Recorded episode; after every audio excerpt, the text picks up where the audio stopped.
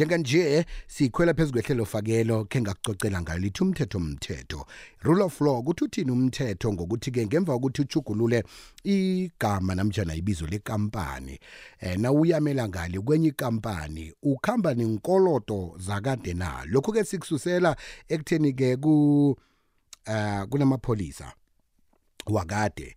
Sekaluphele nokuluphela sebaba abadala laba eh bagidlela nekhotho sicoca nje eh ngonobangela ukuthi ke kwaba nabafundi bango 1982 bekade bamalunga weCOSAS kuyihlangano ke eh enabafundi.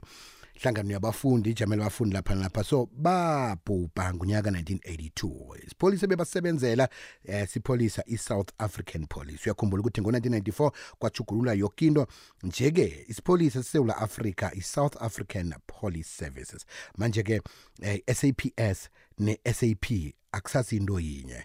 Manje-ke into evelako kobana eh ukuziphendulela eh nendleko zokuthi eh kukhulunywe ngecala lakade lanyana ukuthi kwaba nabantu ababhubhako ababili beko abekade bamalunga weCOSAS fanele livelephi ngoba nesipholisa lesi esikhamba ngaso nje eSouth Africa sikhamba ngaso eSouth Africa sithi i ayisithi sipholisa semnyaka weminyaka webandlululo. Manje ke silethe goduke emakampanini emakampanini khona ukuthi-ke uchugulule ibizo lekhampani. Nongakhumbula kuhle eh nesichema se-Morocco Swallows kwaba nomraro njalo ukuthi-ke kwaba nemali ezikolodwa kufanele zibhadelwe yi-Morocco Swallows savuselelwa-ke kodwa kwakhutshwa uMorocco loya seyiswallows nje kwaphela nje. Ukuthi inkolodo ze-Morocco Swallows faneke zibhadelwe babantu abadosa phambili kuswallows na? Nasi into esingathanda bona ke sihlathuleke ngayo khona ke osisazi somthetho ligqwetha ubaba ujabula nokwamkhwanazi umthetho umthetho. Khwanazi lotshani? Lotsha biziwe ngilotshise ngilotshise nomlalelo kokwez f m olalele ngalesi sikhathi. Sithokoza ukuthola ithuba lokucocisana nawe. Yeyi sirarekile lapha sazi ukuthi sakudlula njani.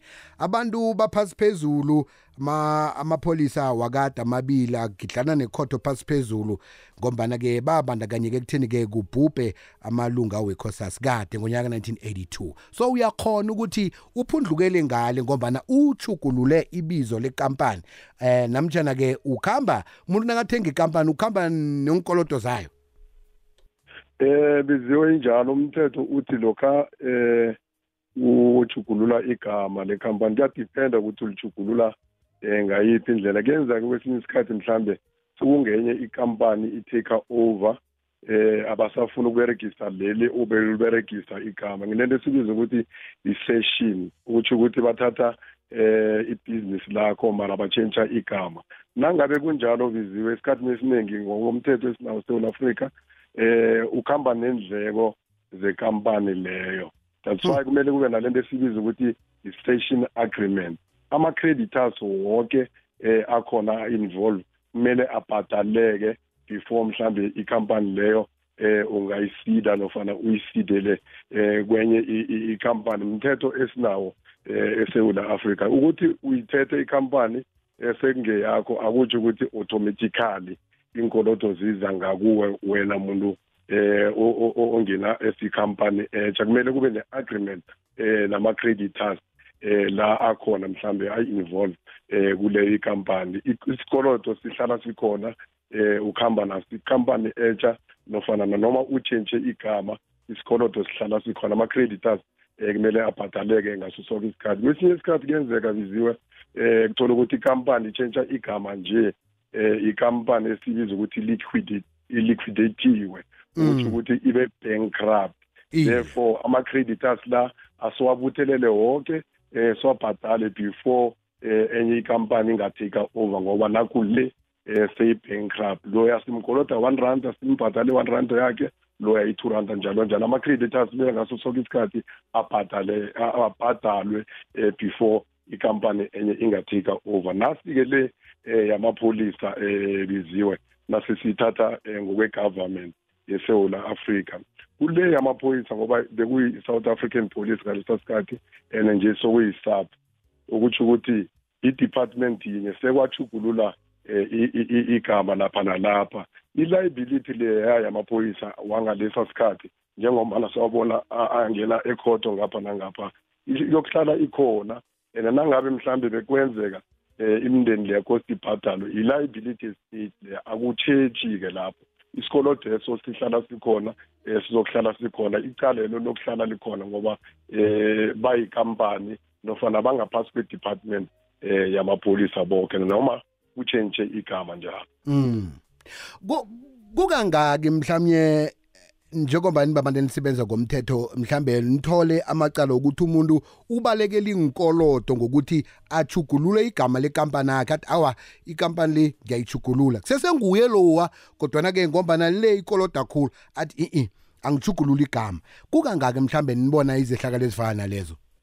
Kaningi siyazithola um biziwe izehlakalo ezinjengalezo. Abantu babaleka inkolodo and-ke um athi nanoma um atshintsha igama baleka inkolodo kanti um kunababereki nabo ngekwabo um abaphakathi ekampanini leyo ekungenzeka um uyabakoloda kesinye isikhathi ufuna uku-retrenja istaff um alethe igama lekampani etsha kaningi siyazithola into ezinjengalezo. Mara-ke eh abantu abaningi aye bayisikimele nofana ama-creditors amaningi eh aye bayisikimele that's why igcina isekhoto ikampani leyo. Ingakhoni ukuphumelela. That's why ikhoto ekugcineni igcina itsho ukuthi ikampani le i-liable ayibhadale ama-creditors eh woke wakholodaku kaningi sizithola izehlakalo ezinjengalezi zenzeka lapha emakhoto um biziwe Mhm.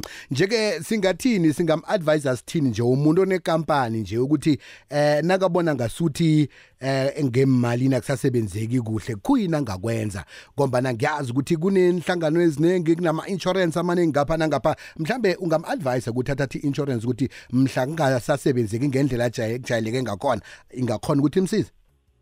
Iye biziwe esikhathini esiningi ikampani eh ngaso sonke isikhathi. Siyazi ukuthi i-insurance eh into ibhadela ukuthi mhlazana kuvela into ongakaqali ukuthi ingenzeka. At least kube ukuthi eh uyabhadaleka nofana ama-creditors akhona eh ayabhadaleka. Ngaso sonke isikhathi eh amabhizinisi akathathe i-insurance eh ezabakhavara enkolotweni zabo. And kesinye isikhathi biziwe la uzithola khona ukuthi hawo ikampani le ngasithi yabogaboga sarenda. Eh wenze lento esibiza ukuthi liquidation iliquidate eh ikampani yakho. At least kule i-15 randa onayo sibuthelele wonke ama-creditors sinikele loya i-five bobo sinikele loya i-one rand. At least lapho inkoloto zakho uyakhona ukuzithelana noma eh ungekho ubabhadele imali epheleleko baza kushera eh kule Lokho i-14 rand okuseleyo. ekhona osele nayo. Iye hayi sithi abasarende eh bathathe amakampani lawo u- bawenze esikhampani mhlambe eza kuliquidate ngaleso sikhathi. Ngiyo into aye sibayelelise ngayo kunokuthi mhlambe eh abaleke abalekele inkoloto zakhe nofana ukubhadela abantu nofana ama-creditors. Mkhona zizwakele siyabawa nje nangesikhathi ezizako nasikubiza kusabele umuntu ofuna ke isizo lakho njengomuntu womthetho angakuthola njani? Eh biziyo ngiyatholakala enomborweni elulahle ethi 071 30 27 637 071 30 27 637 nakwethu sithokoze khulu kwamambala ungadinwa ngithi nangelinye ilanga siba ukuthi usabele nasikubiza kwangitsho thokoza mina biziyo ha besikhulumisana naye ngujabulani kwamkhwanazo licwetha eh uzwileke umlanda uboli. Eh akunalapho ukuthi nawuchugululile ukuthi hawa no eh angisasiyibiziwe sengiyicolin uza kubaleka ungatholakali.